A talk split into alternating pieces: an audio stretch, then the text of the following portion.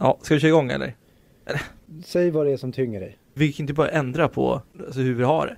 Man säger väl alltid the more the merrier, eller? Men jag gillar inte när du går på vänster och pratar med nya människor och bjuder in. Men jag tycker inte att du och jag räcker till. Nej men det kommer ju sluta med att jag blir borttagen från det här. Nej, den där osäkerheten sitter i dig.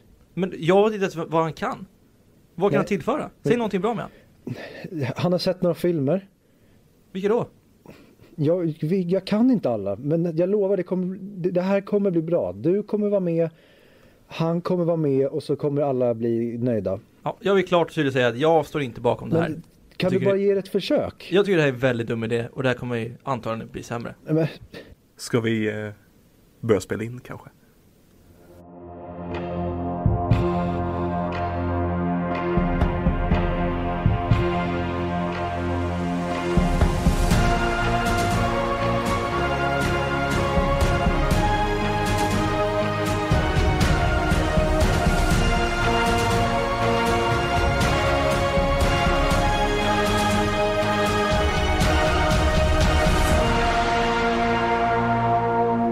Säger vi hej och välkomna tillbaka till 100 Mick, podcasten där vi pratar upp IMDBs topp 100-lista men inte Charlie Chaplin. Jag heter Viktor. Och jag heter Fredrik ja. Ja, vad kul att du är med. Och idag så har vi ju en, eh, en gäst. Ja, woo! Oj, who, peed in your bucket? Va? Va? Du, du lät inte så taggad. Men vad är det för uttryck? Aldrig hört det. Nej, jag vet. Va, vad betyder det? Jag är en entreprenör. Eller bara en galning, en dåre på gatan. Ja, men nog om mig. Och idag är det då avsnitt 89, eller placering 89 och vi ska idag prata om Requiem for a Dream. Men innan vi eh, gör det så tänkte jag att vi skulle introducera vår gäst. Så vi eh, ska ta reda lite på vem Alex är. Och eh, ja, vi kan väl dig in right away. Så jag säger hej och välkommen till Alexander Wahlgren. Hejsan hejsan. Vi lägger till klappljud sen. Så, som Det var precis det jag tänkte. Applåder. Kul att du är med. Ja, nej men kul att vara här. Det är Mm. andra podcasten jag spelar in. Idag, tänkte jag säga. Men någonsin menar jag. Jaha. Vilken var den första? Eh, Vi försökte oss på ett pilotprojekt jag och mina kompisar. Det skulle vara, alltså, det var min kompis pilotprojekt. Är det inte ett pilotprojekt, alltså ett projekt för att göra ett avsnitt? Jo, exakt. Och det, ni kom inte hela vägen? Mm, nej, vi göra en halva avsnittet. Sen så skulle vi ta resten dagen efter och då kände alla att nej, det här kanske inte riktigt var vår grej. Men det är ändå bra, för det, får ändå mig känna som att vi har gjort det ganska bra. Vi har kommit någonstans i alla fall. Ja men vi har faktiskt spelat mer än en pilot. Jag kan säga av det jag har hört så är ni ju klasser bättre än det vi lyckas åstadkomma. Oj oj oj. Oj, oj, oj. Väldigt få klasser och små klasser, men klasser Ja, likaså. i plural i alla fall. Det räcker för mig. Ja, det är den här, uh, vi är den speciella klassen. Helt rätt. Okej. jag en förstår. egen liga. Vad heter de idag? För den hette ju, det hette OBS-klass. Eller särklass heter det på min Ja, tid. precis. Sen blev det särklass. Vad hette, sen blev det typ lilla klassen. Ja, lilla klassen. eh, Idag heter det bara Jag tror, att de, alternativa blev- klassen. jag tror att de blivit integrerade i de vanliga klasserna. Är det så? Ja, jag tror det. Eh, Jag kan ingenting om svensk skola idag. Det var Kan, när... men det eh, kallas inte bara esteter då? Jag gick ju estetisk linje på gymnasiet. Då så, då, då knyter vi ihop säcken. Och nu vill inte jag. Ja. Åh nej, det kommer folk hata mig. Men eh, ja, gäst och eh, för att våra lyssnare ska få lära känna dig lite bättre så kan vi köra lite infotime. Mhm. Eh, och jag låter Fredrik. Ja men kanon, ska vi hoppa in på lite frågor nu då? Vi, vi går rakt på det. Du, ska, du, du kommer få tre alternativ nu Alex. Mhm. Du ska få välja en att gifta dig med, Mhm. symboliskt då såklart. En döda och en ligga. Mhm. Om vi börjar, kanske enkelt, kanske inte. Men du har ju nämnt att eh, du gillar att prata om Marvel ibland. Mhm. Så då får du av mig Iron Man, Black Panther och Captain America. Och då räknas inte Winter Soldier. Nej vänta, den första heter Winter Soldier. Den första är First Avenger. Ja, den räknas inte. Skit i den. Okej.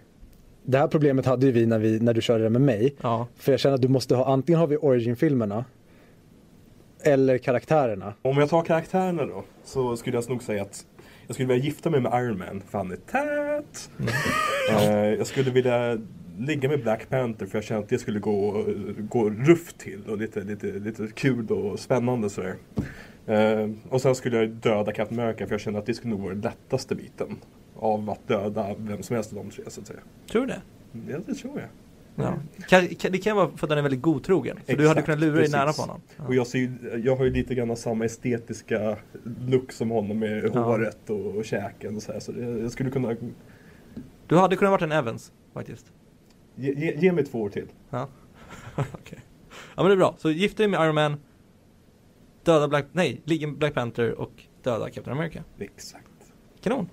Eh, nu kommer vi till Viktors favoritkategori. Eh, som är Twilight, Hunger Games eller Maze Runner. Oj. Eh, Twilight, Hunger Games eller Maze Runner. Ja. Vi börjar med att döda Twilight, tycker jag. Eh, Okej. Maze Runner, alltså jag skulle säga att jag är ovanligt positiv till de, till de filmerna. Jag tycker de är genuint bra filmer faktiskt. Eh, så jag skulle säga att jag skulle gifta mig med Maze Runner för det är en härlig värld att leva i. Okej. Eh, Hunger Games, jag såg aldrig den sista, men jag såg den näst sista och det var nog det värsta skit jag någonsin sett på bio. Eh, men det, det Jennifer Lawrence är snygg så jag ligger med eh, idén om Hunger Games. Det är kul att du tycker att Maze är en härlig värld där typ alla dör i zombies och Mm, Det är det jag vill. Ja exakt. Du är som Viktor, du gillar det här mörka ju. Alltså jag är ju något av en apokalypsnörd. Ah. Jag förbereder mig för den stora härdsmältan så att säga. Så du är lite I am Legend och World War Z och vad heter den? Take Shelter snarare. Ja, Okej. Åh, Sant. jävligt bra film. Jag har inte sett den. Va? Mm. Kul att du ändå Ja, men refererar jag, är till som, jag refererar ju till filmer jag inte sett. Fan. Michael Shannon Det- blir domedagsgalning och Mm. bygger ett skjul mot domedagen. Ja, ja. Jag har börjat preppa själv. Jag har konserver och bunkar med vatten hemma. Och vi måste ju ändå ha med Sagan om ringen. Och då menar jag alltså universumet liksom. Ja, okej. Allting är ihopsatt. Mm. Star Wars och Harry Potter. Jag får väl döda Harry Potter. Ja. För jag är inte så jätteförtjust i Jesusmyter. Eh, Jag skulle nog ligga med eh, Star Wars. För det är snabbt och enkelt men det är härligt som fan. Men Sagan om ringen är världen man vill leva med. Man Mm. kan mysa med den världen. Ja, bra. Då går vi vidare. Om vi då slänger in Interstellar, The Dark Knight och Inception. Jag tror att jag kommer döda Interstellar. Oj. Eh, för det är den filmen av dem som jag faktiskt tycker om minst. Eh, jag skulle ligga med Dark Knight för den är hård och hänsynslös. Det verkar vara ett ord jag återkommer till. Jag kommer att ligga med dem. Ja. Eh, och sen skulle jag gifta mig med den, eh, vilken var den sista? Äh, Inception. Inception. återigen, bara mys. Det är, liksom, det, det är en härlig, en härlig värld. Man kan, han, han, eh, Inception kan få mig att uppleva egentligen vad jag vill. Jag, jag tycker det är fascinerande när folk säger att de inte förstår Inception. Som att det, det, har, det har blivit en grej. Va?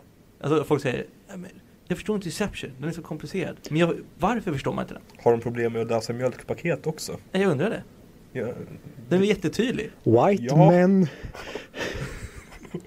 Ja men det är ytterst märkligt i alla fall. För Jag, jag tycker Inception, alltså, Det- den, är ju, det- den är ju självklar men sen finns det mysterium i filmen såklart. ja, och man kan diskutera slutet hur mycket som helst men det, det, är ingen, det är ingen komplicerad film att förstå. Eh, vilken film borde istället gjorts som tv-serie? Det finns ju massvis. Gud, det var någon jag tänkte på rätt nyligen. Exakt så säger jag också. sjukt att du svarar exakt Mm. Harry Potter, ska jag säga. Harry Potter.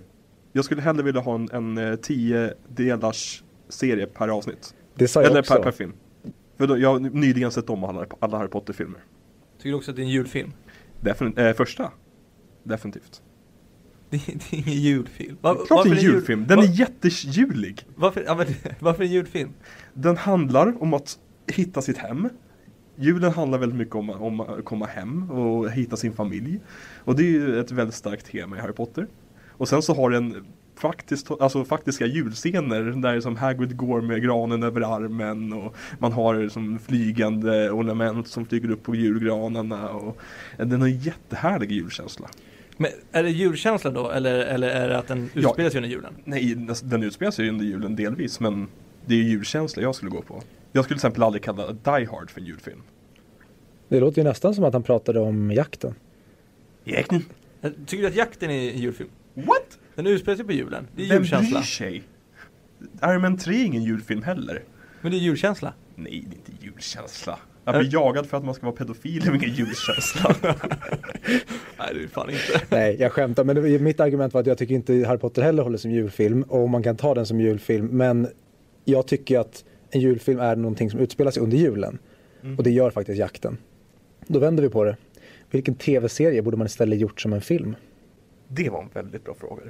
Men då måste man tänka liksom högre budget. Ja, precis. Hö- högre Alltså- budget, tajtare.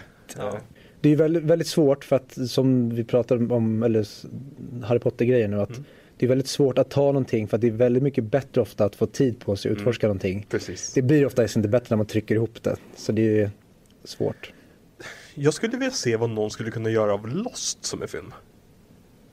Alltså sammanfatta fem, sex säsonger till en film. Av en serie som redan är alldeles för plottrig. Eller en serie som är alldeles, är Nu alldeles för svär plottrig. du i Fredriks kyrka här. Ursäkta? Nej men alltså, jag, ja, alltså, jag ska inte attackera någons åsikter men jag tycker Lost tror jag inte hade funkat. Tror du inte? Nej. Jag, jag vet inte om det hade funkat men jag skulle vara intressant, eh, intresserad av att se vad det skulle kunna vara. Men det finns så mycket intressant som de utforskar i Lost tycker jag. Oh ja, definitivt. Så då måste man ju ta bort många intressanta aspekter. Förlåt, jag ändrar mitt, ändrar mitt svar. Fast jag kommer vara kvar i samma kategori. Ja. Damon Lindelof, Watchmen-serien, hade kunnat vara en film. Det är inte det en film? Watchmen-filmen är en film, men Ja. Watchmen-tv-serien som kom förra året med Regina Ja. King är inte en film. Nej men jag menar, är det inte samma handling? Nej, nej, nej, nej. Det här, Det är det här är en uppföljare. Ja, ah, den är inte baserad på novellen? Nej, nej, det är helt fristående. Ja, ah, det har jag missat. Då kanske Den kunde intressant. tajtats till väldigt mycket och de kunde gjort en film av det egentligen. Ja, ja absolut. Kul att ha dig här.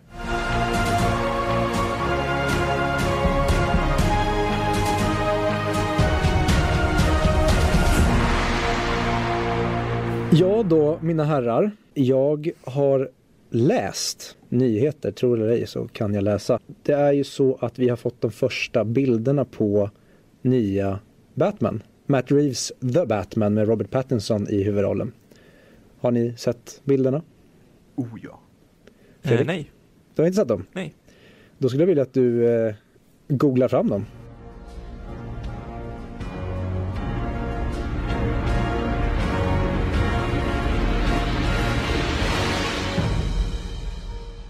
Ja, nu är jag tillbaka.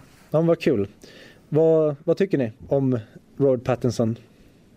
Man ser ju inte så jättemycket. Men det jag ser tycker jag om. Alltså jag fick lite samma känsla jag fick, du, kommer du ihåg Godzilla-trailern? När man ser en, en militär i flygplan och ska Ja. hoppa ner. Den är jättebra den trailern. Men mäktig musik, det, alltså det är ju svårt att misslyckas med sån här typ av trailer. Nej men vad, jag- ja okej, ja men jag är mer intresserad av vad tycker ni om looken? Jag gillar att den känns rätt mekanisk. Och en snygg design, eh, designdetalj som jag inte upptäckte själv så jag läste om på Twitter. Det är det att det verkar vara som att Batman-symbolen han har på bröstet är gjort av delar från en pistol. Antagligen pistolen som sköt hans föräldrar. Och det tycker jag är makabert härligt. Det hade varit snyggt om det var så. Men jag, jag fick känslan av, att det var alltså gadgets som man kunde ta ut. Det kan mycket väl vara så, det är ju ren spekulation från folk. Ja, ja, ja. Men jag, det, det är en sak, jag tyckte det var väldigt snyggt med masken, att man ser stygnen under ögonen på honom. Man ser att den är gjord av någon och inte en, en, en massproduktionsstudio. Utan det känns som att någon faktiskt har suttit och klippt ihop den här masken själv. Mm. Sen som sagt, man ser ju ingenting egentligen. Jag har inget problem med det eftersom han är ju en biljardär. Mm, ja, jo, jo. Han har ju folk som kan göra tusen masker åt honom. De De förklarar ju- gå sönder tänker jag.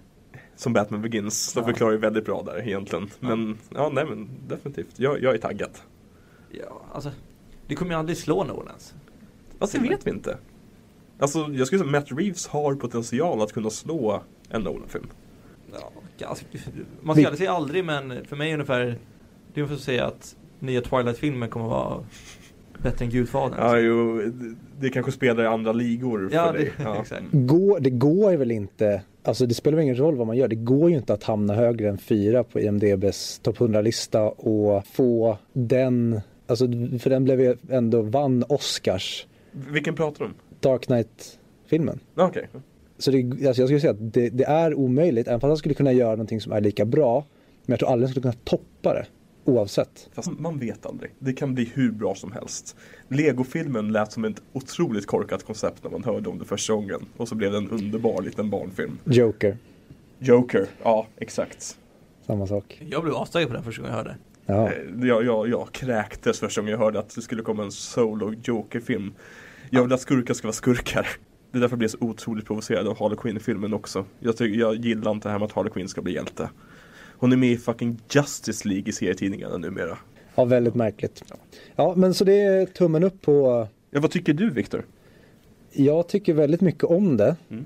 Eh, men nu när du sa det där med pistolgrejen på, på fladdermusen på bröstet. Det är jag skeptisk till. Mhm. Men jag, inte, jag såg det inte när jag kikade på den. Mm. Men jag älskar Robert Pattinson så att det ska bli skitnice. Jag tycker casten till filmen är skitnice och jag gillar Matt Reeves framförallt Apornas planetfilmer. Mhm. Så det ska bli jävligt fett. Så det här gjorde mig, det gjorde mig bara mer peppad. Men jag måste återkomma till det med att skurkar ska vara skurkar. Mm. Hade inte du älskat en Darth Vader-film? Nej, All, aldrig, aldrig i livet. För att desto mer vi ser av Darth Vader, desto mindre effektiv blir han. Hur lite syns Darth Vader egentligen i, i första Star Wars-filmen? Han syns knappt. Han är en underhuggare till Grand Moff Tarkin. Att göra honom till någon slags messiasfigur, det här kommer vi återkomma till i ett framtida avsnitt antagligen. Men att göra honom till en huvudkaraktär tyckte jag var ett dåligt drag. Och desto mindre vi ser Darth Vader, desto bättre. Jag menar att Darth Vader blev hu- huvudkaraktär? Mm. Det är ju han hela serien handlar om nu. Nej, den handlar om Ray. Ray Skywalker. Han är ju Messias. Han är ju the chosen one. Men kan man inte göra en film som fokuserar på Darth Vader utan att han får synas så mycket? Nej, att, att det handlar om, om alltså om... eh, Men det har ju redan gjorts tre filmer om Darth Vader. Jo, jo. Nej men menar, alltså, alltså jag, hade, jag vill bara se mer Darth Vader. Ja, för alltså, han är den coolaste karaktären som någonsin har funnits. Skulle det komma en serie på Disney Plus med fem avsnitt med Darth Vader ut och slakta jedis, jag hade ju slukat det. Men Ja. det är ingenting jag önskar mig. Nej. Nej men alltså den jag tänker att jag vill se mer Mhm. av Rogue One-scenen. Mm, När han mm, kommer in okej, där. Om man verkligen ser skräcken i rebellernas ögon. Om hur jävla Hitta på en ny karaktär istället, så gör det. Ja men Snoke har vi. Ja, men, nej. Ändå kul att vi är 100% med Star Wars snack. Star Wars i varje avsnitt. Ja. Ja, vi lyckas alltid. Yes, ja men eh, då går vi vidare. Jag har en eh, till grej jag skulle vilja prata om. Och det är då nya Bondlåten som släpptes häromdagen. Har ni hört den? Nej. Nej. Då tycker jag att eh, någon tar fram den så spelar vi den.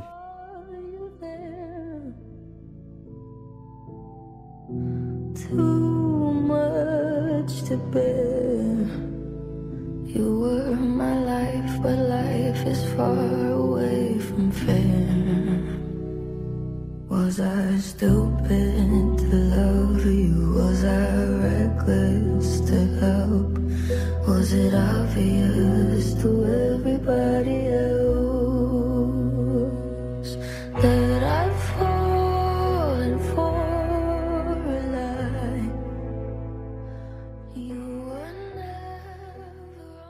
var en liten snutt ifrån den, men nu har ni båda hört den. Mhm. Spontan reaktion. Ja, det låter som om man tar det sämsta från Sam Smiths låt och blandar det med det sämsta från Skyfall-låten. Gud vad tråkigt. Snark. Ja, Kände precis samma sak när jag, jag lyssnade på den några gånger idag. Och precis som du säger, den får mig att bara så här, nej, nu sätter jag på Sam Smiths låt istället. Ja, den är dålig, men den har i alla fall något jämfört med den här tycker jag. Tycker du? Jag tycker den är helt amazing. Sam Smith? Nej, jag- det- det- okej, den, den kanske är bra som låt betraktad, men jag tyckte inte om den som introlåt till en actionfilm. Nej, det kan jag köpa. Nej men exakt, de här, alltså, den här låten hade kunnat vara jättefin tror jag till en film. Men inte som introlåt till klassiska Bond-montaget som allt kör i början. Exakt. Visst, det kommer säkert vara snygga visuals till det här, men fy fan vad tråkigt. Ja, nej, jag tror vi alla tyckte att den var rätt snarkig, den här Ja. låten. Vad Ja. tycker ni om, har ni lyssnat någonting på Billie Eilish annars? Jag tycker hon alltså, begåvade gör sköna låtar. Jag hörde henne första gången på Oscarsgalan Mm. och då sjöng hon en av mina favoritlåtar så hon får ett plus och ett minus hittills. Ja, Okej. Vad är minuset då? Är det här låten? Ja, är det de två du har hört? Yes. Jag har, jag har hört henne sjunga Yesterday och den här. Alltså det- det som är synd med att hon blev ju väldigt viral med, eller viral Alltså hon blev känd vid den här låten Vad heter den? Bad Guys Jag tror jag har Nej. hört, jag tror jag har hört eh, slingan på den. Du, du, du, du. Exakt. Var det, hon, jag för mig att hon blev viral med den innan When We All, vad heter den? When We All Fall Asleep Where Do We Go? Vad fan heter den? Ja, Det är mycket möjligt. Jag kommer ihåg att man såg överallt ut nu, därför hon har ju massa så här vätska som rinner längs ansiktet och liknande för att göra Mm. konstiga bilder. Mhm. Alltså den, var- den är ju skön men sen blir den jätteöverhypad. jag har ju tenderat att ogilla saker som blir överhypade. Mhm. Då är det Eh. dig som det är fel på. Men sen efter när man lyssnar på henne, hon verkar ju ashärlig människa. Har du sett när eh, Rain Wilson, Från The har Office. du sett när Rain Wilson? Rainn Ja. Wilson. Ja, när han kommer hem till henne och gör en intervju för hon är, ett, hon är en super The Office-nörd. Mhm. Och i början så kallar han henne för Billie Eilish. Det slutar med att han har morfat om hennes namn till att hon heter William Eyelash. Jag älskar Rain Wilson.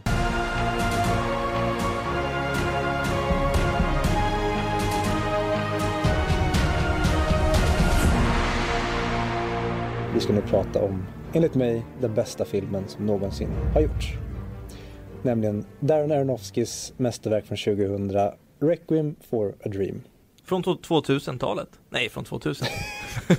Från 2000-talet. Nej, men- Eh, Du sa väl det redan i första avsnittet att det är den bästa filmen som någonsin har gjorts? jag har för mig att jag nämnde det. Ja. så att nu är vi äntligen ner på plats 89 och vi ska prata om den här väldigt felplacerade filmen på den här listan.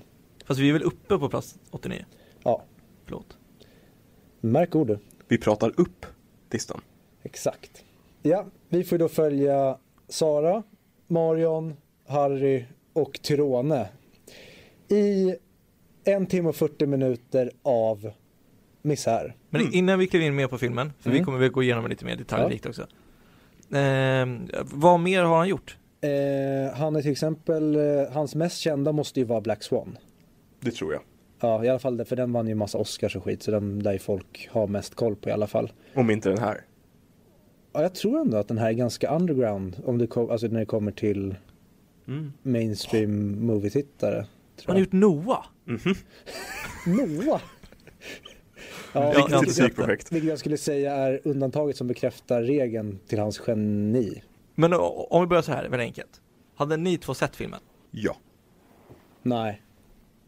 Nej, ja, okej.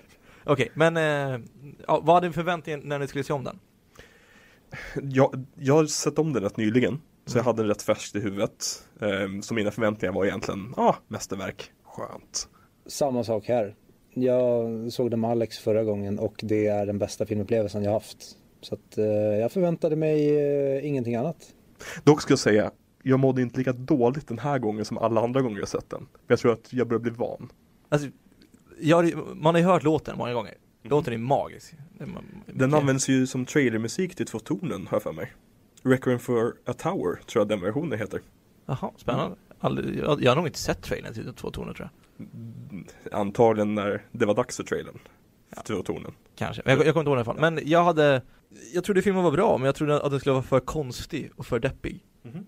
Dels för att eh, Viktors flickvän sa ju, har du sett den här filmen? Alltså dagen innan som jag skulle se? Nej. Ja, var, var beredd på någonting väldigt deppigt. Så det var schysst att lägga in förväntningar på den.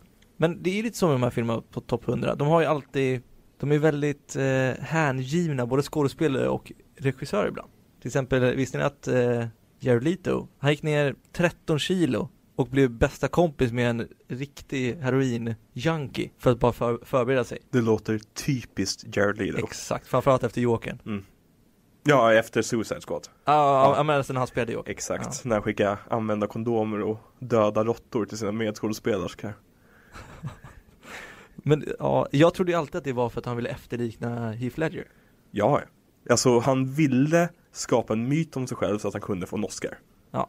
Det är enda. Nej, men här, det här är ändå bevis på att han ändå hade sådana intentioner på fler roller. Ja, ja, han är ju method. Han är ju riktigt method. Eh, när han spelade Mark David Chapman till exempel så gick han ju upp jättemycket. Eh, John Lennons mördare. Mm. Eh, I den rätt bedrövliga filmen Chapter 27 tror jag den heter. Med Lindsay Lohan, en av huvudrollerna. Inte värd att se alltså. Absolut inte. Men också att eh, Darren Aronofsky, vad heter han? Aronofsky. Ja, skitsamma. Asked, eh, alltså, eller han, han frågade både Jared och Marion att de skulle inte ha sex eller socker, alltså under 30 dagar ba- bara för att de, skulle förstå den här abstinensen. Mhm. Det Alltså Gerd och Jennifer Connelly. Nej, Jared och Marlon. Marlon. Ja, Ja, Marlon. Marlon. Jag tyckte du sa Marion och det är hennes Ja. namn i filmen. Jared och Marlon. ja. 30 dagar, ja det, det låter inte som världens uppoffring. Fast för Marlon Wayans tror jag att det är det. Alltså, skå, alltså Hollywood-skådespelare De får fucks. inte ligga och de får inte socker Det är ju typ det enda de gör känns. Ja, 30 dagar, det är ingenting. Jag skulle, därför, jag skulle kunna sätta pengar på att Marlon Wayans är sexmissbrukare. Han känns som en sexmissbrukare. Nu hänger jag ut honom här. mm. en, en, en, en 100 minuter lång film brukar ha ungefär 600-700 klippningar Gissa hur många den här har Viktor? 3000? Ja nästan, 2000 Klipparbetet är bland det mest effektfulla i hela filmen. Oh ja Jag har en rätt kul fact. Mm. Jennifer Connelly står rätt ikoniskt i den här filmen på en pir och kollar ut över havet. Jared Leto ser henne i en drömsekvens. Det är inte enda filmen som Jennifer Connelly står på en pir på. Det är den tredje filmen som hon står på en pir på. Det är, och det är faktiskt exakt samma visual också. Eh, De tre filmerna är ju då Reckon for a Dream, The House of Sand and Fog, någon som sett? Aldrig talas om. Nej inte jag väldigt känd scen när eh, Ben Kingsley trär en plastpåse över huvudet för att ta livet av sig. Spoilers. Eh, och även i Dark City. Eh, och det är verkligen, om man kollar på bilderna, ni kan googla själva, så är det verkligen exakt samma visual. Och Dark City kom 98. Mhm, Och den tredje filmen kom 2003. Dark City, jävligt bra film för övrigt. Inte sett. Väldigt bra. Och väldigt dystopisk. Okej. Så den tror jag du kommer gilla. Kommer du ihåg scenen när Harry och eh, Marion pratar i telefon? Under, alltså i, sl- i slutet av filmen? Ja. När han sitter i häktet. Mm. Ja. Mm. Tydligen, den är ju, de, de pratar ju på olika delar av, eh, av sättet. Med, med riktiga telefoner som är kopplade till Mhm. varandra. För, för, för att filma det exakt samtidigt. Mm. Så får den här mer spontana känslan. Mm. Det gör man väl inte i filmer i vanliga fall? Nej. Det, Men- Bara det är mäktigt på något sätt. Ja men de använder ju sig av split-perspektivet väldigt mycket i filmen. Mm. Eh, till exempel när de ligger och smeker varandra i sängen och bara pratar om hur kära de är. Ja. Efter de har tagit ecstasy tror jag att det är. Eh, en vanlig filmskapare om man säger så, hade ju bara filmat de två. Mm. Men han kör split screen på dem. Men man ser ju hur de rör varandra i alla fall och han, händerna kommer in i den andra split screen och, så vidare. Det är ett återkommande tema i hela filmen. Så det är bara emblemiskt för Darren Aronofskys filmskapande stil. Någonting de använder sig mindre av i filmen än vad jag minns det som. Jag har Mhm. för mig att de kör den där split screenen mycket mer. Mm. Men den är ju ganska sparsam. Oh ja. De, den används ju när den behöver, behövs användas för att säga någonting. Mm. Absolut. Mm. Men vill du gå igenom lite mer detalj snabbt? Vad, vad som händer i filmen och de olika akterna? Så Mm. kan vi sen berätta vad vi tyckte om den. Det är, vad ska man säga, är det, det är två eller är det fyra tidslinjer eller liksom stories vi får följa? Vad skulle ni säga? Jag skulle säga att det är två och en halv för att eh, Marion splittar från de andra sent i filmen. Ja, och fram till dess är hon en del av det narrativet skulle jag säga. och Tyrone han är egentligen hela tiden en del av Ja. Harris. Han är egentligen bara hans Robin till hans Batman. Ja, eh, intressant liknelse du drar där för att han var faktiskt påtänkt att spela Robin i Batman och Robin. Marlon Wayans. Är det så? Jajamensan. Ja, Det gjordes faktiskt leksaker med honom som Robin. De finns, med tanke på Oj. hur Batman och Robin blev. Så, ja, förlåt, Batman Forever. Batman Forever. Ja, men med tanke på hur den också blev så är det lite synd att de inte gjorde det. Mm. Det varit kul. Ja, men eh, filmens handling då. Vi får följa Sarah, vi får följa Sarahs son Harry, vi får följa Harrys kompis Tyrone och vi får följa Harrys flickvän Marion. Och det är egentligen en story om hur alla de här karaktärerna i sin jakt på, någon, på en dröm faller ner i missbruk. Sarah, mamman, faller ner i, det är väl amfetamin missbruk Uppers and downers. ja, i sin jakt på att hon ska få vara med i tv så att hon ska börja banta och komma i sin favoritklänning. Harry och Tyrone de vill tjäna massa pengar och ser sin chans genom att börja sälja massa droger. Och i och med det här så vill även Harry försörja Marion så hon ska kunna ägna sig åt sin sykonst och skaffa sig ett bra liv. Och det här egentligen driver dem längre och längre in i ett missbruk som till slut ser till att eh, Sarah, hon hamnar på psyket. Harry blir av med sin arm. Tyrone hamnar på kåken och Marion blir fast i missbruket. Och vad ska man, vad ska man egentligen kalla hennes? Hon prostituerar sig ju. Hon, hon går med på omänskligt beteende för att få sin fix. Ja, Exakt. Och, och Tyrone kommer inte bara i fängelset, han kommer i fängelse i södra Exakt. rasistiska USA-fängelset. Och Tyrone är ju afroamerikan om ni Ja. inte förstått det. Så det, det, han, han, han, han har nog värst av alla om jag skulle vara helt ärlig. Ja, där trodde jag att de skulle spela det värre senare än vad de gjorde faktiskt i filmen. Mm. Men eh, det som man kan tänka sig är oftast värre än det som visas. Och det är Sant. också en av filmens väldigt starka grejer. Bara där när de är på sjukhuset när, ja, nu, nu har vi egentligen dragit filmen så jag bara hoppar. Ja. Men när Harrys arm har blivit infekterad och de är på sjukhuset och man bara ser blickarna från de här Ja. hillbilly-gubbarna. Han sitter där och väntar i väntrummet bara vet att när som helst kan det smälla för mig här. Ja, men eh, ja, så det är vad filmen handlar om i kort och gott. Och ska vi bara dyka rakt in i den? Ja, Låt vi kan se vad vi tyckte först. Vill du börja, Fredrik? Jag, jag tycker den var väldigt bra, väldigt intressant. Tack för att du målade en Nej, men Ska jag gå in på detaljer? Ja men jag vill, jag vill verkligen höra, eftersom Ja. du inte har sett den tidigare och vi båda, både jag och Alex har ju sagt tidigare eller innan vad vi tycker. Så jag skulle vilja veta, hur var det för dig som såg den första gången? Alltså först och främst är jag en riktig sucker för alltså, de där klippningarna när de tar eh, sina droger. Ja, Den snabba. Och kaffet. ljudet. Ja, och tvn. Det, ja det men är allt det där. Alltså snabba klippningen. Älskar det. Eh, Lite som eh, Guy Ritchie använde sig av i Snatch, när med resandet. Exakt, men det jag tänkte Mm. på, undrar om det är influerat eller om det bara är en happenstance? men var Snatch först med det? Nej, Snatch var tvåa på bollen. Vilka var först? Eh, Reckon for a Dream, 99. Ja. Nej, nej, 2000, nej, vänta, vänta, båda kom ju 2000. Snatch kom också 2000. Men då är det, för om då, eftersom Darren Aronofsky garanterat har sett Dark City Mm. och det är en likadan scen som när hon står vid piren. Mm. Så ja, sno av de bästa. Och då kanske det var att, ja men att de, han har influerats av det också. Från någon annanstans. De kanske båda är influerade av samma sak som inte vi känner till. Precis. Mm. Men alltså, det som jag gillar med det här är också lite samma sak som jag gillar med min Broch till exempel. Det är en väldigt simpel historia som de gör så väldigt målande och, och symbolisk och bra. Det, är det, det handlar ju enkelt sagt om två pundare Mm. och ja, hur de vill bara bli högre hela tiden och tjäna mer pengar. Ja, precis. Och de vill, ju, de vill ju ta sig ur misären, men de, de har ju inte verktygen till att göra det. Nej, men man får hela tiden förhoppningar om att de kan göra det, men Mm. den är så verklighetstrogen på det sättet att det kommer de inte göra. Precis. För de är, alltså, heroinmissbrukare. Mm. Men sen finns, alltså, jag, jag vill ta upp den direkt. Den, den, min favoritscen, hela, det är nog när mamman bryter ihop och, och berättar för Harry hur, hur hennes liv är. Ja, ja. Oscars moment. Al- Alltså, jag läste någonting om den också att, för kameran slutar ju fokusera. Alltså Mm. den åker av Mm. lite mot henne.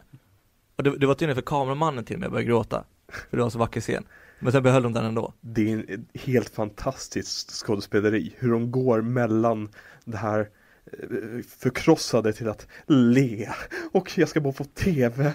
Men det är jobbigt. Och det här fram och tillbaka, man vet aldrig, vänta, kommer hon bryta ihop helt nu? Kommer hon, ah, nej, Du är nästan tårögd nu. ja, ja, Ja. jag älskar den scenen. Men jag köper det och de har byggt upp det momentet så himla bra Mm. i filmen. Det, det, det är verkligen uppbyggande. Det är, alltså det, är, det, det är ju det är magi på högsta nivå skulle jag säga. Mm. Ja, och det, jag egentligen så här, det, det finns ingenting i den här filmen jag hade velat ändra på. Och jag tycker egentligen att den, den spelar, den är i taket hela tiden. Med tempot och precis som du säger, det är en sjukt simpel story. Mm. Men han gör verkligen max med det. Och det blir verkligen, och det som jag, just varför den är enligt mig den bästa filmen, det är för att jag aldrig sett en film som är så påtaglig. Det känns nästan som att man knarkar med dem för att de, det är så jävla visuellt och smutsigt och jag, jag, jag bara sitter, det är en timme och 40 minuter av bara ångest. Men just det att den inte är som alla andra 2.30 filmer. Nej. Den, den gör sitt med, vad var det, 1.40? Mm. Exakt. Det älskar den. Jag har ju lite av en ny filmregel när det kommer till smak för mig själv att en film måste förtjäna att vara över två timmar lång. Den Mm. måste ha en väldigt bra anledning att vara över två timmar lång. Sagan om ingen-filmerna, självklart, det är epos. Men en sån här film ska inte vara över två timmar lång. Nej. Den, 1.40 duger jättebra. Jag önskar att fler filmer vore 1.40. Ja men det här är ju alltså filmens variant av en novell. Ja. Den ska vara lite kortare. Den ska vara, bara berätta sin historia, som den gör jävligt bra och visa de olika aspekterna som man kan eller bieffekter man kan få av eh, drogmissbruk. Exakt.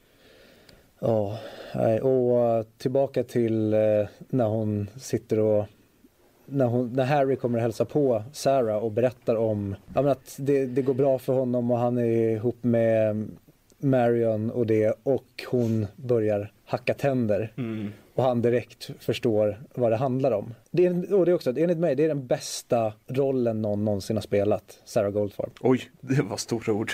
Men välförtjänt. Mm. För det är det, jag, kan inte, jag har ingen jag kan ställa bredvid henne och säga att den är bättre. Jag, jag kommer ihåg första scenen, den, den känns lite, alltså, nu efterhand känns det out of place för när hon sprang in och gömde sig i sitt sovrum, eller toaletten var det var, I garderoben. i garderoben var det till och med. Eller nej, det kanske är toalett. För Skitsamma. det, det, det känns inte som att hon beter sig på samma sätt efter. Men det ger ju ändå starkt intryck till vilken, alltså vilket stage det är. Fast vi ser ju bara två scener med henne och Harry. En, första scenen när hon gömmer sig inne på toaletten eller vad- det är. Och andra scenen när han kommer och hälsar på henne. Ja, det kanske är sant. Men i, i den scenen, då vi får ju direkt reda på vad de har för typ av Ja. förhållande. Det är Ja. så bra början på en film. Man förstår direkt vad deras dynamik är. Ja. Och det är bara så här, här, hoppa in i kaoset här. Det är Mm. ingen så här, någon mjuk uppbyggnad utan det, det börjar med ett bråk. Det börjar med att han snor hennes TV. Ja. Och säljer. Och den är, den är inte för dig, säger hon. X, ja det är så sorgligt för man vet ju så mycket att det är just för Ja, honom. det här, Det, var där- hennes lilla, lilla sak som hon kunde göra. Och så Mm. som hon inte orkar hålla ut ända, ända fram. Ger honom nyckeln under dörren. Ja. Hon ger upp där. Mm. Och sen säljer han tvn till Hector Salamanca. Eller Scaramanga, vad heter den? Breaking Bad. Hector Salamanca, jo med ringklockan i Breaking Bad. Exakt. Mm. Eh, ja, exakt. Men jag, jag tänker för att få lite, för det, det, finns mycket som vi kan gå igenom och det, vi kommer bara prata upp hela filmen nu. Man kan sitta och prata i timmar om den här. Och då, då har förslag, ska vi prata om de fyra karaktärerna? Visst? Vi börjar väl med The Queen. Sarah Goldfarb. Intressant efternamn alla har. Tyrone Love, eh, vad fan heter hon tjejen? Mar- Marion Silver va? Ja, Sen har vi precis. Goldfarb. Goldfarb. Mm. Silver, åh, jag har inte ens tänkt på den kopplingen. Att de heter guld och silver. Men jag älskar Tyrone heter Tyrone C. Love. Det, det, jag tror inte de nämner det i filmen. Nej, eller, nej, kanske de inte gör. Eh, Men Silver nämner och Goldfarb säger de hela tiden. Ja. Eller Sarah säger det hela tiden. Exakt. Ja, okej, ska vi börja med Sarah? Ja. Ja. Vad mer kan man säga som vi inte redan sagt egentligen om henne? It's gonna be on television. Alltså det är så ångest. Nu när jag såg om den, om den här gången. Då hade jag glömt bort att de får det här kuvertet. Så jag tänkte att det bara var ett prank call. Ah. Och jag tänkte att shit, hon tappar hela sin, sitt liv på grund av ett prank call. Men sen fick hon ju formuläret och allting och sa okej det finns ju att det var någonstans äkta det här. En gång i tiden kanske, att hon skulle få gå på tv. Eh, Så det var inte lika mörkt som jag först tänkte att det skulle vara. Men eh, det- bara här, det, är så lite. Hon, hon vill bara känna sig behövd igen. Hon vill bara känna sig älskad igen. Hon vill ha mening. Ja, hon- precis. Hon, hon har ett mål med livet och det är det hon får med, och det tycker jag också är jättesnyggt. Hur de visar hennes framgångar med dragkedjan, Mm. hur högt upp den går. Exakt. Det tycker jag är jättesnyggt av filmen. Ett piller, dra upp lite grann. Ett Ja, till piller, exakt. dra upp lite grann. Ja. Nej men det- så- som du sa Viktor, man vill bara ha ett mål. Mm. Alltså du vill ha någonting att leva för. Precis. Det, det är egentligen hela vår, vad vi handlar om. Att vi ska ha ett mål. Och det är därför man söker sig till missbruk ofta. Det är för att du inte får ett mål. Mm. Och då får du egentligen dina kickar av knarket. Och det är precis det som händer henne. Att hon får sitt, hon får sitt mål och så knarket hjälper henne. Mm. Men till slut så handlar det inte om målet utan det handlar om knarket och hon tappar Exakt. hela den på vägen. Det finns ju en brytpunkt i filmen för hennes karaktär. När hon börjar ta med droger och börjar mixa dem. Ja. När det inte längre handlar om att hon går ner i vikt utan det handlar om att hon vill känna sig bra. Och det gör hon på de här drogerna. Hon Mm, tycker exakt. det är härligt. Ja precis. TV, TV-målet är hennes drog från början. Mm. Och sen så hamnar hon i någonting som gör att hon inte längre egentligen behöver tv-mål. Det blir nästan som en ursäkt. Mm. Att, ja, men jag tar det här för att jag ska göra det här. Så nej, ja du kan säga det. Och det är det här Harry märker när han kommer hem till henne. Det är så att, eh, vänta nu, du, du är en tjackpundare helt plötsligt. Det här med te, så här, det finns ens det här att du ska gå och vara med på tv. Ja, det, åh, den har så många lager. Den Men här jag filmen. ser, alltså, han, hon har ju haft mål fram till dess, att ta hand om Harry. Mm. Alltså, Och så så, flyttar han ut. flyttar han ut, han snor aldrig tvn längre, hon, hon behöver inte ta hand om honom på det sättet. Nej, och samma sak när, när han köper ju det här stora tv-sättet till henne. Ja. Det, det använder hon inte ens. Nej. Nej, det står ju på, jag tror man, det är någon scen när, hon, när man tror att hon ska kolla på tv. Ja. Och sen så visar det sig att det står ju bara på på en stillbild på, Ja. som testsignal. Åh, så obehagligt. Ja. Och hur lägen, lägenheten är ju inte, den är ganska deppig från början. Mhm. Men hur det liksom helt plötsligt blir liksom ett haunted house. Ja. Också hur snyggt som helst med ja, men, ljussättningen och allting. Det ja. Jag älskar scenen när, när TV-Sarah och eh, han, vad heter han, Juice-snubben Ja, eh, När de går runt i hennes lägenhet och kollar på alla tacky små saker och såhär Ew, vad är det här för henne. något? Och så här, men eh, jag var inte beredd Ah. Och det, hon, hon, är så, hon är så rädd att, att tappa ansikte ja. framför Det, folk det är en gammal byggnad. Precis Jag tänker när vi ändå är inne på henne, alltså, på Harry. Jag, alltså efter Suicide Squad och Jokern så har jag hatat Jared Leto. Jag med Men, alltså, och jag gick in med det, åh nu ser Jared Leto, åh. Så märkte jag, vad fan, han är, ju- han är ju bra. mm. Han är mer än bra. Det som är magiskt med den här filmen Det är det att alla som är inblandade Gör sitt bästa verk någonsin. Jared Leto gör sin bästa rolltolkning någonsin. Jennifer Connelly gör sin bästa rolltolkning någonsin. Marlon Wayans utan tvekan. Eh, Och, eh, Burstyn, Ellen Burstyn. Eh, Darren Aronofsky har aldrig varit så här jävla på. Eh, Clint Mansell, scoret är magiskt.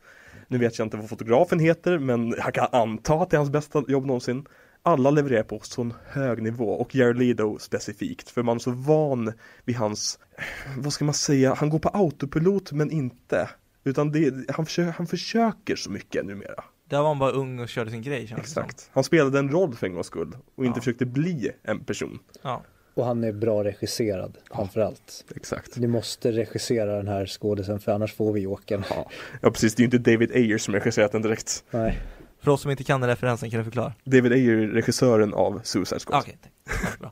Och Fury. Ja, det finns hur många scener som helst, eller alla hennes scener är, hon kör liksom i taket där också. Men den mest smärtsamma för mig, det är den när hon är ute, knatar ute på stan och åker tunnelbana. Mm. För då är det verkligen så här, Ja, du det- är precis som dårarna man ser på tunnelbanan. I'm gonna be on television! Ja. Vilken, vilken station är det här? Precis, Och, så åh. bara så här, och någon bara, han säger väl det, you're a nut job. och så flyttar de på sig. Och, ja, men hela hennes förfall, det är som att ja, men, en film som jag nu första gången förstår hur mycket alltså, inspiration den har, det är ju Joker. Och se, alltså den här filmen skulle kunna handla om bara Sarah. Mm. Och då skulle det liksom vara en, ja men hur någon bryts ner. Men det finns så otroligt många likheter med Joker tycker jag. Och att det går liksom, även fast det är jättetydligt steg för steg. Så blir det inte hackigt utan det blir ett sånt jävla bra flow tillsammans med de andra storiesarna. Mm. Mm. Vilket jag tycker de löser i Joker väldigt snyggt med att det bara är honom. Men jag tycker att hans förfall steg för steg funkar väldigt bra där också. I concur. Och så har vi dansscenen. När hon dansar som Jokern. Ja, det är ju sjukt. Att den, den kan vi ju den kan vi lägga upp på uh, våran, uh, våra det? sociala medier. Typ en timme in i filmen kanske.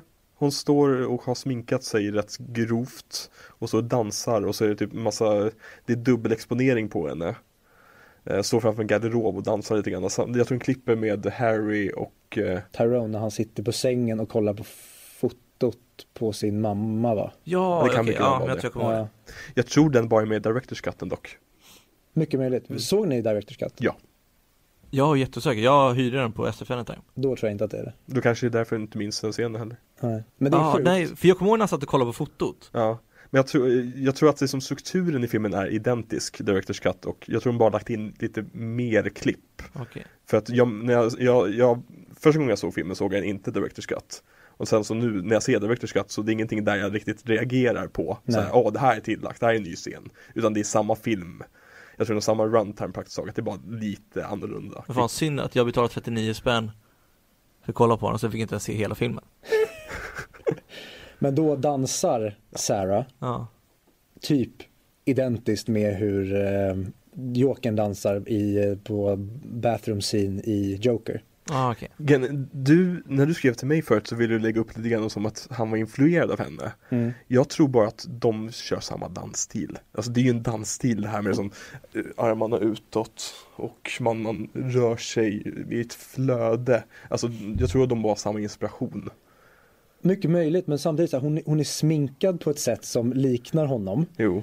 Hon rör sig på ett sätt som liknar honom. Mm. Det är båda människor som där deras psyken breakar på något sätt. Så att jag tycker det, det finns väl, sen, ja, men jag tycker även att filmen i övrigt har ganska mycket inspiration från den. Mm.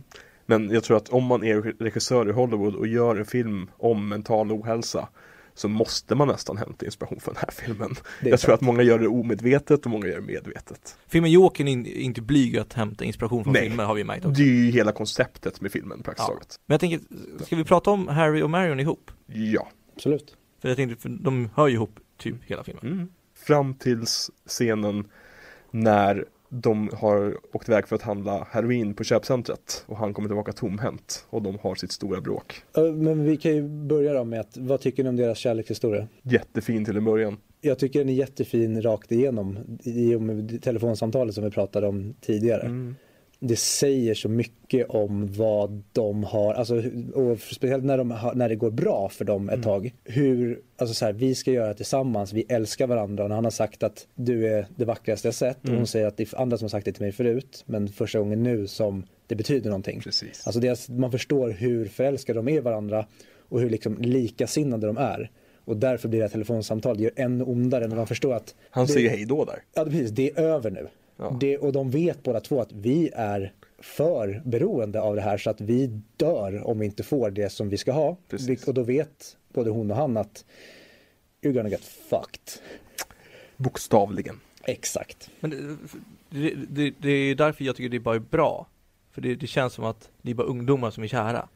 Det känns inte som att det är, alltså, de är inte liksom de är inte som eh, Kylo Ren och Ray liksom i Star Wars. De hör ju inte ihop till varandra. De har bara, Mm. de, de, de har kommit fel i livet och det enda säkra ankaret de håller kvar i är varandra. Exakt. Och den enda gemensamma nämnaren de egentligen har är ju att de har svart hår.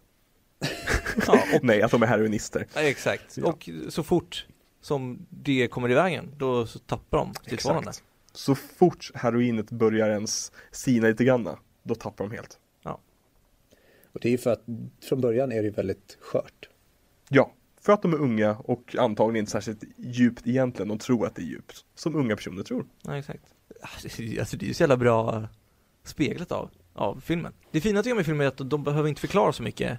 För jag har det i bakhuvudet hela tiden, för jag läste en kritik, jag tänkte spara på den, men jag måste Mm. säga det här nu. Att det var någon som klagade på att i, i vanliga fall i sådana här drogmissbrukarfilmer så får man se liksom hur de kommer in på det. Eller kanske, alltså varför deras situation är som den är och få allting sånt där mer förklarat. Mhm. Det gör ju inte den här filmen. Nej. Och det är därför den är bra tycker jag.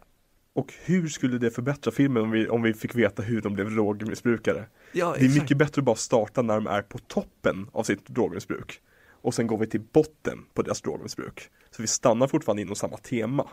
Men de pikar ju in saker hela tiden. Exakt. Alltså att de, de, det är bara ungdomar som inte pallar med skolan eller pallar med jobba Exakt. och känner att det här var jävligt nice, Ja, fortsätter det. Och alla förklaringar vi kan komma på själva är oftast bättre än de regissörerna kan ge oss i filmen. Och det, är- ja, jag går återigen in på Joker, men där, där gör ju den misstaget att den vill förklara massa saker för oss. Där jag tycker att filmen hade varit bättre om man hade låtit dem vara oförklarade. Och det är samma sak med den här. Hade vi fått saker berättade för oss, då hade den förmodligen inte varit så bra. Jag tycker att det är lite oschysst mot Jokern med tanke på att sådana saker var tvung, tvungna att lägga in i filmen för att den skulle bli gjord. Då kan ni heller inte nå upp till Nej. den nivån. Nej, nej. Och det är det som är synd, för jag önskar att den hade fått göras på Todd Phillips villkor, eller om det kanske är Todd Phillips som har velat ha det, det vet jag inte. För man vet inte vad hans track record är i och med att hans filmer tidigare har varit någonting helt annat. All over the place. Ja, så att men jag, äh, och det, alltså, det är så mycket show don't tell i det här. Mm. Utan de små fragmenten vi får, bara så här, typ här Marians bakgrund. Mm. Att hennes föräldrar har deg. Och det här med att hon knullar med sin psykolog. Mm. Och hela den grejen, det är bara så här, den är vi inte i jättemycket utan det får vi bara små, Ja. små grejer av och de är så äckliga. Och även filmen är ju rätt non-verbal på ett sätt. I det att hon har ju problem med sina föräldrar. Men filmen säger aldrig det. Men vi vet det för att hon måste gå till sin psykolog för att få pengar. Hade hon haft en bra relation med sina föräldrar, då hade hon gått till sina föräldrar för att få pengar. Och den enkla saken när hon säger att alltså, mina föräldrar kommer inte försörja mig längre om jag slutar träffa honom. Nej. Och där, det är det enda som behövs. Mm. Då, då vet man exakt hur, hur förhållandet är. Precis. Man behöver inte mer än så. Men jag tänker, för det kommer jag på nu, vad tycker ni, för det är två gånger i filmen, där de har eh, så här, dagdrömmar. En gång när han, när han tar pistolen och börjar kasta, Mhm. Och den andra gången när Marion sätter in en gaffel i hans hand. Och även när eh, Tyrone drömmer om sin mamma. Han, han springer upp till sin mamma. Ja men exakt, men det, det är väl mer min dröm tänker jag. Jag skulle säga att det är en del av samma, alla får ju en drömsekvens var. Jo men, jo, men deras drömfrekvenser är ju någonting i realtid. Ja okej, ja. Alltså en, ett alternativ sak som, en, en alternativ handling som vi gör nu. mm. Men han drömmer väl tillbaka, Jo, definitivt. tänkte jag. Jo, Men jag tänker bara så. Men alltså, vad tycker ni om den? Alltså, tycker ni det är bra att de bara gjort det två gånger eller känns det out of place? Jag gillar drömsekvenserna. Den här scenen när de kastar pistolen, den, den är lite out of place när man kan filmen. Mm. Eh, men jag tycker det är en bra introduktion till karaktären. För att när man klipper tillbaka till att man ser att han sitter där, då vet vi att aha, han är en person som har ett rätt intrikat inre liv. Där han liksom kan fantisera ihop eh, scenarion och vi vet att det, senare i filmen kanske liksom att han, han, han, ser, han ser tydligt hur hon skapar den här butiken och allt sånt där. Nu får inte vi se det, men jag tycker att det ger en bit, en pusselbit till karaktären som är viktig. Mm. Att han, att han ses som en drömmare, eller alla ses som drömmare. Det är det filmen handlar om. Ja men, eh, för det är ju, jag tycker det var väldigt intressant, det var något jag tänkte på att Varför gör han inte det fler gånger? När blir det för mycket och när är det lagom? Eller vad tror du Viktor? Ja, det, men det är som du säger, jag kommer bara ihåg de tillfällena. Det kanske är något fler, något mer tillfälle. Inte i den halvfärdiga versionen som jag såg efter Time, kolla inte. Alltså Sarah drömmer ju konstant om att hon är på TV. Ja, Jo, ja det är sant Så ja. hon har ju sina drömmar. Alla, alla, jag tror alla har Ja, jag, jag tror, okej ska vi bryta ner här? Jag tror, det är inte drömmarna personligt utformade. Alltså Harry vill, vill eh, men det är skillnad på drömmar och drömmar Ja, jo, jag, men jag tror att Darren Aronofsky har liksom ett, ett drömfack som han öppnade upp. Och sen så tog han olika typer av drömmar till de olika karaktärerna beroende på vilken sorts karaktär det är. Tyrone vill hem. Han vill, han vill ligga i sin mammas famn. Eh, eh Marion vill agera utåt. Hon, hon, när hon sticker gaffeln i psykiatrikerns hand. Hon vill ta kommando över sitt eget liv här. Sarah drömmer om att vara på tvn, den är rätt straightforward. Och eh, ja, Harry han drömmer om att, om att, samma sak som Marion kanske. Jag vet inte, det är ofärdig tanke, men jag tror att det finns en tanke där. men det är inte att han vill vara cool då. Alltså för att det är väl någonting de gör. De vill jobba sig upp genom att sälja knark. Han där säger lite fuck the police, vi leker med din Mm. pistol. Vi, han vill vara lite coolare än vad han är. Det är lite gangsterfantasi. Ja men precis. Och, men det kan jag även tycka speglar liksom bra med droger att man inte är närvarande. Mm. Alltså då han sitter där egentligen, han sitter bara och stirrar rakt fram. Men det händer så mycket i hans huvud så att, och det är väl det till en viss gräns som sker med typ människor som får psykoser att till slut så är drömmarna din verklighet. Mm. Och att du egentligen, du kan ha suttit på en stol i fem minuter men i ditt huvud så har du levt en hel dag. Med saker som du egentligen önskat ha dig gjort. För visst, Tyrone är väl inte lika hooked på det? Nej det skulle jag inte säga. Alltså jag skulle säga att hela filmen bryr sig inte så mycket om Tyrone på Nej. den punkten. Eh, Tyrone är ju mer bihang till Harry. Han är ju lite hon, hans voice of reason också. Alltså i alla fall mot slutet. Ja, när pengarna börjar ta slut och så här, han Ja. ser ju väldigt mm, Men det är också för att jag Ja. tror att Marion och Harry har fastnat mycket djupare i det. Ja. Jag vet inte, jag har ju aldrig fått riktigt intrycket att han ska vara mindre hooked på det än, än Nej, men för, för annars förstår jag inte varför de har delat upp drömmarna på det sättet Ja. För annars hade anledningen kunnat varit att de är så fucked i huvudet så de kan, det enda fantasin de kan komma på är det nu och nu Mm. Medan Tyrone är ändå så pass vaken i huvudet att han kan, Ja. att han saknar att liksom sin mamma och vara hemma igen Mm, definitivt. Det är för säkert någon som har skrivit en jättebra uppsats om Ja. det här. Ja. Det finns ju alltid Men det är ändå kul att spekulera, Definitivt. ibland är det inte kul att få facit direkt Nej, nej, nej, nej, absolut inte. Ska vi gå dju- djupare på Harry och Marion eller ska vi hoppa vidare? Vi, vi har ju nämnt förfallen, hon blir prostituerad med han obehagliga Little läkaren. Tim. Angel.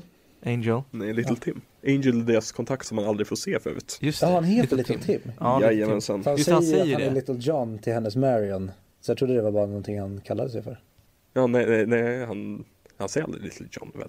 Jo, när han, han, han frågar vad hon heter, då säger hon Marion. Ja. Och då säger han Hi Marion, I'm Little John. Alltså som att det är Lille John i Robin Hood tänker jag det som i alla fall. Säger han verkligen det?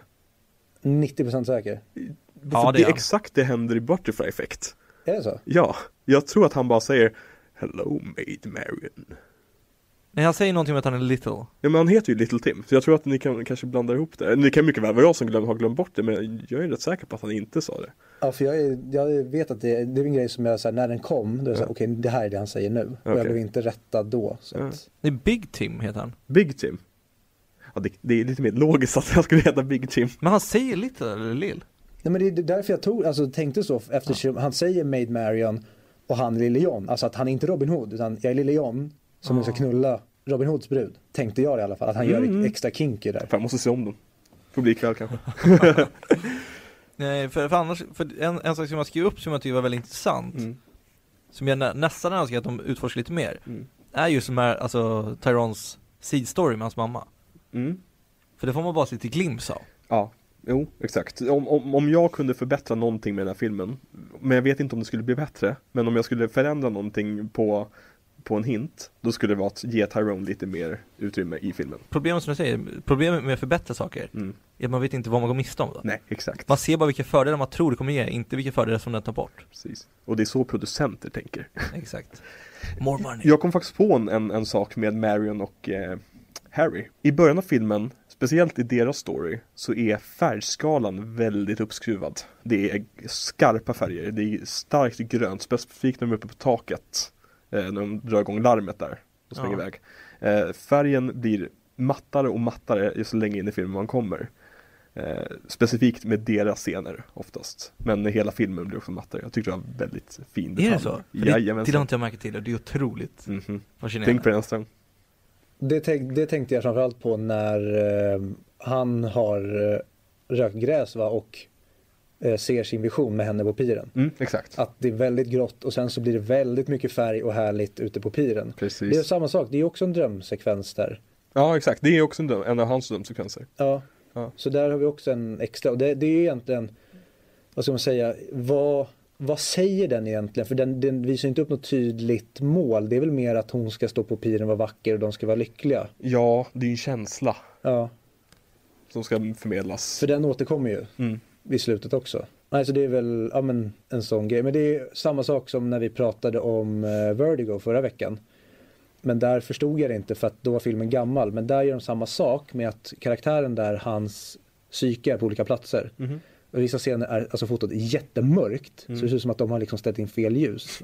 Så jag trodde att det var det, att så här, men filmen är gammal, de, Ja, ja. de fuckar upp det. Och i vissa scener så är det jätteljust, att man tror att det hänt samma sak. Mm. Men där var det tydligen medvetet för att spegla psyket. Jag gillar när man leker med färgskala i filmer. Som Aviator. Mm. Men när man, Mm. när man gör subtila saker för att påverka alltså, tittarens upplevelse av filmen. Ja. Det, det går jag igång på.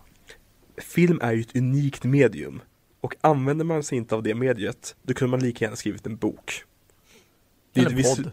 Ja, en podd. Ja. Ja. Men alltså, det är ett Eller visuellt, radioteater.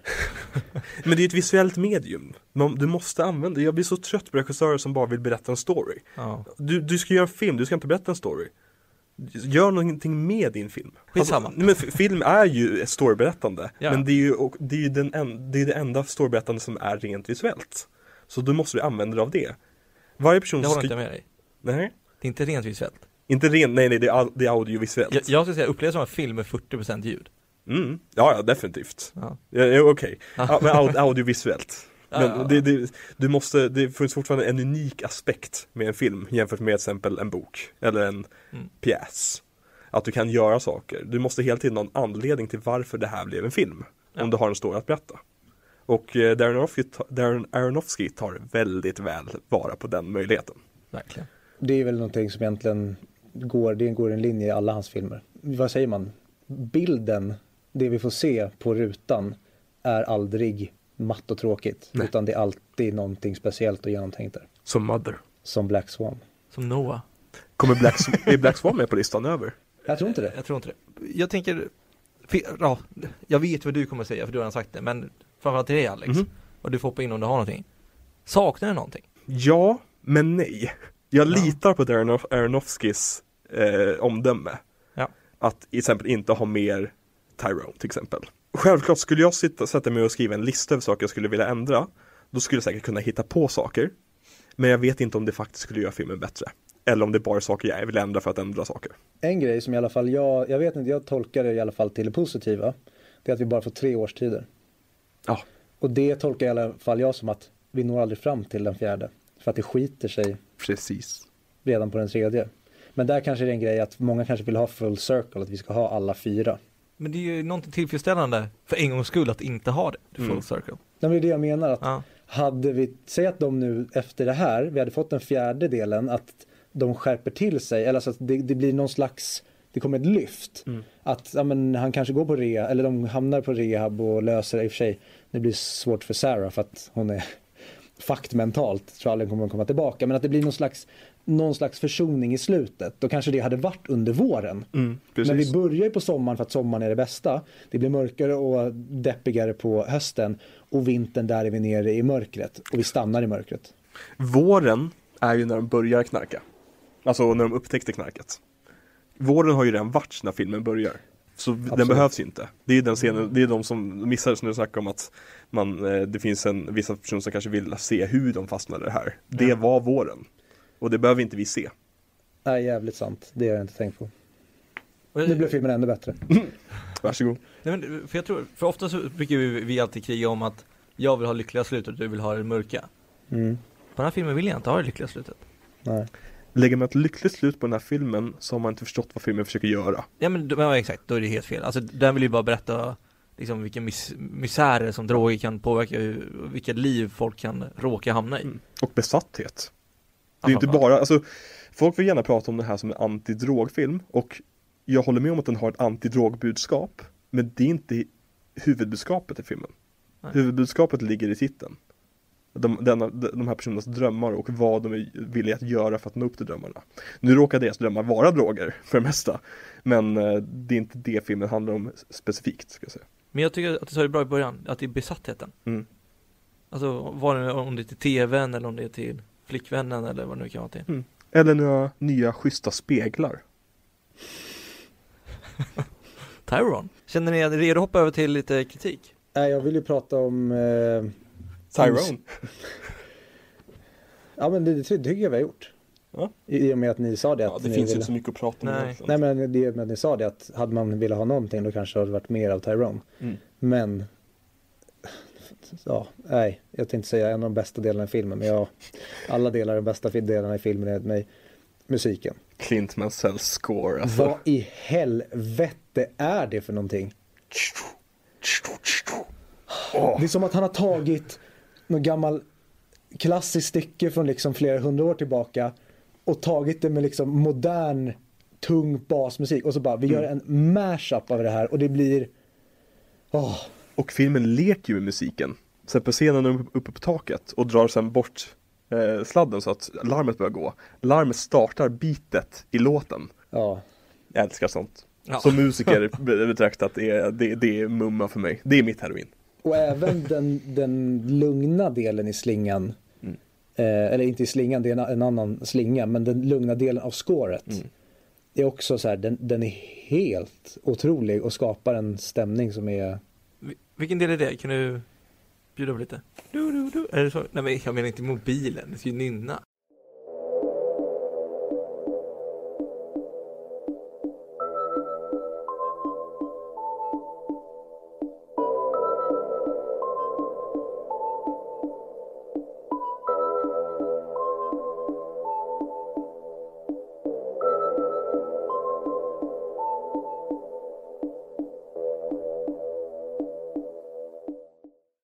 Min favoritdel av scoret är inte den här huvudmelodin. Utan det är den här lilla basiga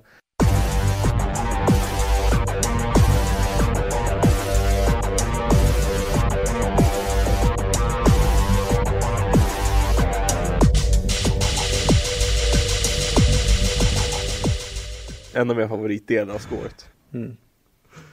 Eh, ja. Ja men eh, ska du gå in på lite reviews? Vad tycker folket? Det var någon som tyckte, tyckte att, att komiska inslagen gjorde filmen sämre. Vilka komiska inslag? Jag vet inte det heller, för de ger ju inga exempel. Vilket också är väldigt frustrerande. Men jag antar att det kan vara så att, ja men säg någon kommer från TVn. Jag antar att de skulle tolka det som ett komiskt inslag. Åh nej, det är sådana människor som, som skrattar åt Hereditary. Ja, så det, det, det behöver vi inte ens prata om för de har ju missuppfattat allting. Ja men på riktigt. Alltså okej, pistolsekvensen är ett komiskt inslag. Ja. Men that's it I guess. Ja, men eller, eller när kylskåpet äter. När du öppnar upp munnen. Men det är ju inte Nej, komiskt. nej, jag, vet- alltså, nej jag vet men så, jag antar att det är så den här personen gör. Ja, ja. Jag, jag skulle kunna sträcka mig till att det är goofy. Ja. Men det behöver inte vara, ja jo men ja, nej. Och, och sen så var den skrev att den var over, jag antar att den menar överdramatiserad tyst film. Och att, eh, att, att den var absurd. det ordet. Och även, jag, jag skrev ner anteckningar nu bara. Det- Att den var absurd and unconvincing. och det, och det, det var det jag menar, alltså det, det är så svårt att inte ta upp dem. För om det, ja. Absurd and unconvincing. Vad, då undrar jag så här, vad är det den inte övertygar om? Pupillerna blir inte större när man tar heroin. Nej. Nej, men, men jag, tror att det, min tolkning var att den inte kändes verklig på det sättet. Mhm. Och jag tycker det är helt tvärtom. Jag tycker att den verkligen känns verklig. En av de verkligaste filmerna som jag har sett. Ja. Och du, du, du vet när vi, när vi pratade om eh, Eternal Sunshine. Ja. Vi pratade om att filmen är ful. Ja. Den här filmen är ju groteskt ful. Men den kan samtidigt göra det som jag pratade om det här med att jag tycker att en film är snygg inom citationstecken när man kan ha bildrutor som tavlor. Mm. Den här lyckas få båda de grejerna. Den är lortig och äcklig och ful men den är fortfarande gorgeous som fan. Ja. Riktigt gry- grynigt foto. Ja, Och på tal om foto så, så har jag skrivit att camera angles that would serve better in a music video make up most of the substance med citattecken of this very gimmicky film. men den, det, det, är så här, det tycker inte jag är någon kritik för att den använder mycket vid, alltså musikvideogrepp Ja. men till en funktion. Alltså att när vi är liksom, ibland är vi fiskögat på festen. Ja. Vi observerar bara festen. Den är bara snabbspolad. Ja, det hade man kunnat säga att det är inte klassiskt filmiskt. Men det fyller en funktion i filmen. Men jag tycker att, att hur, hur de klipper de där effekterna, att det gör lite hur deras minne är. Mm. Att, Ja, och, det- hur, hur deras upplevelse är. Precis. Som när hon sitter hos läkaren och vill ha mer medicin. Att man ser henne halvt. Ah. Allting är, det är lite fisheye där också. Och hennes röst är förvrängd Mm. men inte läkarens. Det är så här. Fotot och allting tillsammans skapar en bild av vad, vad personen i scenen är någonstans. Ja. Och läkaren kommer in genom en blå rökridå. Det är... Tittar inte ens på henne. Och även, eh, ta- om klippningen och det här som Ja. snabba bla bla bla. Hennes chokladask i början. Jag har aldrig känt mig så träffad. Man, man köper en chokladask eller godispåse eller vad fan som helst. Tänker, det här ska räcka en stund. Tar en bit och nu är det slut. Och precis samma sak när hon börjar banta. Mm, Hon har ätit upp allting på tre sekunder. precis. Men jag har inte ätit någonting. Nej, exakt. Jag måste få mat. Det, jag, bara- det här har varit luft. Men, ja absolut, men, och jag tycker det är så jävla snyggt klippt. Att den Ja. bara är tom. Ja, bara, Var, varför ska vi se henne äta det? ja men precis. Nej men, den person som skrivit den här rec- recensionen, jag vet inte. Jag berörde det här innan, men nu ska ni få höra, det- ja, ni kommer gå i taket. Okej, jag citerar exakt nu. Ja, Eller ska jag låta Google Translate läsa upp den så får ni höra det som en annan röst. visst. Jag, jag vet inte om ni har hört den rösten innan. Okej, är ni beredda? Mhm. Varför läser ni inte upp det? Okej, skit i jag läser upp det. Bra. Ja. Okej, så här. Håll det för dig själv. Okej, datorn vill inte att Fredrik ska läsa upp det Det där. där var väldigt läskigt. Okej, skitsamma. Okej. Most stories of drug addiction give us, give us some glimpse of a character's potential for success. Their charm, their attractiveness, their intelligence, a successful career of academic promise, and then show it all going down the drain. Or maybe we'll see why they turned to drugs, what their problems were, what they need to escape. Here we get none of that. In this movie they start as losers slash addicts and end as losers slash addicts. Alex kom tillbaka. Alex kom tillbaka! Okej, förlåt. Jag blir, jag, blir, jag, blir, jag blir upprörd. Det finns en speciell plats i helvetet för folk som medvetet missförstår filmer. Tycker jag. Och här medvetet missförstår man. För att man vill att de här personerna ska vara andra personer än vad de är. Man, man vill att de här personerna inte ska vara verkliga. För det, det tycker jag är det absolut smärt, smärtsamma med den här historien att även om de inte hade sabbat det nu så hade de sabbat det när som helst annars. De är redan misslyckanden. Jag tycker det är så mycket, mycket, mycket mer eh, smärtsamt att se än en rik överklassperson som går på college och testar lite heroin och helt plötsligt är en pundare och sitter på plattan. Alltså, det, det, det är en sån klichéstory som vi har sett hundratals gånger som vi aldrig mer behöver se igen egentligen. Det här är så pass mycket mer det finns ett uttryck som jag gillar väldigt mycket. Att filmer är empatimaskiner. Filmer är den perfekta leveransen för att ge oss empati för människoöden som vi inte förstår i verkliga livet. Och den här filmen är en empatimaskin av Guds nåde för missbrukare. Karaktärernas drömmar i den här filmen är 3 av 5. Inte 5 av 5. Vilket gör dem mycket mer realistiska. Ja. Om ens 3 av 5 skulle jag säga. Ja men precis, de vill bara ta sig ur misär. Vilket är så mycket starkare än att ta sig till att bli en VD för ett företag eller få en otroligt bra utbildning. Det, Ja. det, det är orealistiska drömmar för en knarkare. Om vi hade haft det här, den här otroligt stora liksom vi blir lovade någonting jättestort om personen lyckas lösa det som den vill lösa. Typ som Uncut Gems. Till exempel att okej men löser jag det här så kommer liksom det the silver lining. Då blir vi ekonomiskt oberoende och så vet jag att personen lever lycklig alla sina dagar. Då vilar så mycket av filmen på det. Istället för att här har vi inte den löftet om att det ska bli guld och gröna skogar. Och därför så blir filmen liksom så mycket mer kraftfull i själva filmen istället för vad den lovar. Att det blir inte själva förlusten av målet som gör att det blir kraftfullt utan det är någonting annat. Vi, vi behöver inte det. Så filmen står på egna ben på mycket bättre sätt. Som du säger, man, man vet inte vad som kommer komma här, härnäst. Nej. Jag tänker referensen till, till hur Ryan Johnson, Oj, nej, vad fan, ja hur J.J. Abrams, Freudian slip. jag, jag tänker på hur J.J. Abrams gör sina filmer, att det händer action hela tiden. Så det är ju i filmen. Mm. Men när du lämnar kommer du inte ihåg någonting. Nej. Men det här är ju motsatsen. Eller nej, det är inte motsatsen, det är en variant på det. Du Mm. är i filmen, men du kommer ihåg allting när du lämnar det. Som ist- istället för att bli lurad av ett tempo som gömmer alla, liksom, om, om, om typ säger, ja, som Rise of Skywalker, att den, när den tar en paus, Mm. då kommer allt det som har hänt i 190 km i timmen, det kommer ikapp mig och då blir det så här, men vänta vad fan är det jag har sett? Alltså det mas- tempot, mas- oh, jävlar, tempot maskerar eh, alla brister. Så tvärtom, den här har hela den grejen. Men sen till slut när du, när du är klar med filmen och allting det här kommer i bakhuvudet på dig som ett freight train. Då blir det istället ännu mer kraftfullt istället för att du sitter och tänker på Ja vänta varför var, var det här med kniven och varför var den placerad där? Utan här blir istället en sån emotional knock istället för att det blir en, ett stort antiklimax. Skulle jag säga. Mm. Nej, men Ja, jag håller med.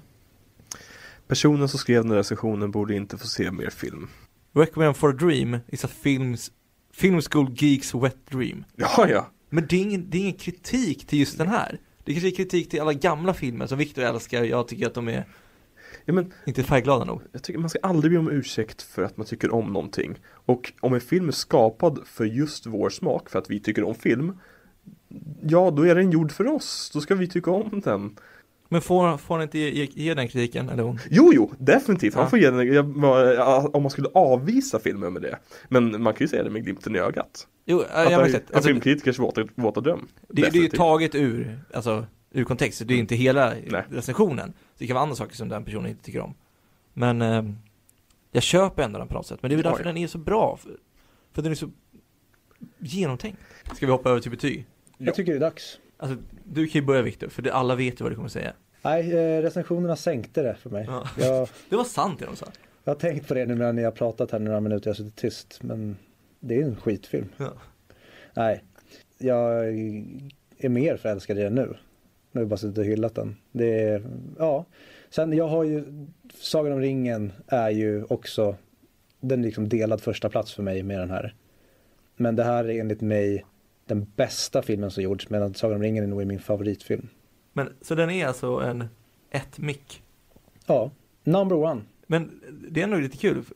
Med tanke på, att- med, på tal om att vi pratar upp listan. Mm. Det blir ju så. Man, filmer man älskar, älskar man mer när man väl börjar prata om dem. Och när man hör andra prata om den. Definitivt. Jo, men som den här grejen du sa när jag tänkte på att det bryts innan våren hinner komma. Mm. Och du säger nej, våren har redan varit. Det blir så här, ah, Är det jag som är ett geni eller är det Darren Aronofsky? Vad tycker du Alex? 5 av 5. Good sit. Ser. nej, nej men eh, det här är en av mina absoluta favoritfilmer. Jag minns när jag såg den i skolan första gången. Det var första gången jag såg den förut. Eh, på någon lektion, antidrogbudskap etc. etc. Det fastnade inte så hårt i budskapet med mig. Men jag tycker att den här filmen är ett mästerverk av Guds nåde och en av anledningarna varför jag älskar Darren Aronofsky in i döden. Och, och kan även förlåta filmer som Noah. Den här filmen gör Noah, Noah bättre. Hur många mick får han? Den här eh, topp 10. 10 mick? Om, om jag ska få ett seriöst svar så får jag väl eh, Nej, helst. Jag ger den en sjua på mick. 7 mick? Mick 7? Nej, nej, sju mick. men, men sju- det är som säger sju men inte Charlie Chaplin. ja. det är jättemärkligt. Jo, men ord tappar ju, ändrar ju betydelser. Jag kan ju lägga in det bara att du pratade om Scorsese förut när vi gick igenom din Mhm. lilla faktadel. Det här är nog min favoritregissör. Och det här är samma sak.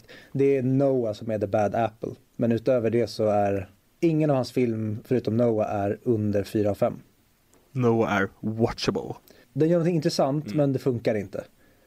Och det är ändå bättre än att den gör någonting väldigt platt och trist tycker jag. Så jag vill bara få in det. Du då Fredrik? Eh, 9 av 10. Och innan halshugger mig. Jag, jag, jag kan inte ge 10 av 10 på film jag sett en gång. Det var om, Bra! När vi pratar om spoilers så pratar vi om att det finns två typer av sätt att se på film. Mm. De som vill bli överraskade och de som vill se på hur det snygga är när du redan vet plotten. Mm. Och, jag, och nu när jag vet vad som händer, då kan jag kolla på hur snygg den är. Mm. Men 9 av 10 tycker jag ändå, för jag har aldrig sett en film i dess like. Och, och om jag måste ge en mick-placering så, det finns filmer jag hellre vill se, så jag landar nog på 22 mick. Men, eh, dags att runda av. Mm. Börja med att tacka Alex. Ja men tack så mycket för att jag fick komma. Tack Alex. Yes. Kul. Jag ska bara informera er om att ni kommer behöva kämpa med näbbar och klor för att hålla mig borta från Infinity War och Endgame avsnitten. Vill bara förvarna er för det. Men det gillar vi. Vi har hört er kritik som lyssnar. Och vi kan väl nämna nästa veckans film så folk slipper gå in och, krona sig in på letterbox för att ta reda på det. Det var ju faktiskt en, det är konstigt att vi inte har tänkt på det själva innan. Att, ja, det är väl klart som fan vi ska berätta vad som händer i nästa veckas avsnitt. Och framförallt vilken film vi ska prata om eftersom vi inte följer IMDBs topp 100-lista eftersom den ändras ta med fan varje vecka så är det svårt att veta vad som kommer.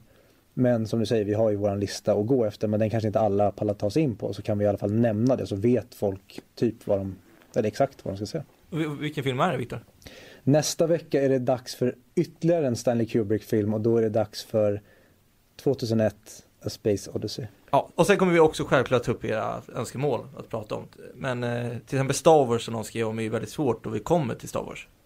Ja precis, det är ju faktiskt eh, tre Star Wars-filmer på den här listan. Så att vi kommer ju prata om, inte bara de tre, utan även Prequel Wars och Disney Wars. Ja, och där har jag en fråga vi ska göra, att, att Alex gillar Ryan Johnsons variant. Men det behöver vi inte gå in på nu. Ryan Johnson har aldrig gjort en film som är under 4 av 5. Jag säger det nu. Kan du inte bara säga att Ryan Johnson är ett geni? Ryan Johnson är ett geni. Stäng av, ta bort. Och följ oss på Facebook, släng lite reviews på iTunes eller Acast eller Spotify eller Soundcloud eller vad nu väljer att lyssna på. Maila oss på 100micpodcast.gmail.com 100micpodcast.gmail.com Och vi heter 100mic eller 100mic podcast på alla sociala medier. Och där så, Ja men vi har ju samma logotyp, alltså den svarta bakgrunden med Alltså IMDB inspirerat fast det står 100 mic. mm. Jag gillar er design. Måste jag ändå säga. Jag Ja. tycker den är gorgeous. Less is more. Exakt. som Darren Aronofsky inte skulle sagt. Gå in och läs eh, Viktors eh, krönika eller artikel vad man ska kalla det på Moviesin också. Mm. Kan jag tipsa om. Ja, jag skrev en, eh, en krönika på Moviesin om eh, ja, framförallt serier som börjar som någonting väldigt unikt och fint och sen så blir det en stor förändring där man vrider upp det som är bra till en nivå att det blir usch. Mer om det nästa vecka. Ja. Och där säger vi hej då! Adjö! Adjöken!